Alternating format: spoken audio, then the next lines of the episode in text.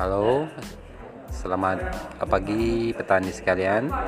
Bertemu kembali kepada kita dari kita itu penyuluh pertanian Kecamatan Berdua Wahid. Mudah-mudahan sobat tani sekalian bisa mendengar apa yang saya sampaikan ini dan apa yang saya sampaikan ini membuahkan hasil untuk Bapak dan Ibu sekalian sobat tani. Sobat tani sekalian, eh, di sini podcast kami itu berkaitan dengan ciri-ciri sapi birahi. Sapi birahi mempunyai ciri-ciri yang pertama, sapi akan nampak gelisah.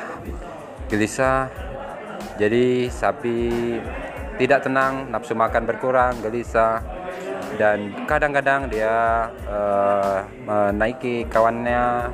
Kalaupun di kandang itu ada kawan, maka sapi itu akan menaiki kawannya, mengeluarkan lendir, dan uh, pada vulvanya itu akan nampak uh, bengkak, merah dan hangat. Itulah ciri-ciri uh, sapi birahi. Dan ketika sapi itu mulai birahi, bapak-bapak dapat melaporkan kepada petugas sehingganya ketika birahi itu terjadi pada pagi hari nanti petugas akan datang itu sore hari atau lebih dari 8 jam. Tetapi untuk melakukan inseminasi buatan itu jedanya antara jam 8 sampai lebih dari 8 jam dan tidak boleh lebih lagi dari 18 jam.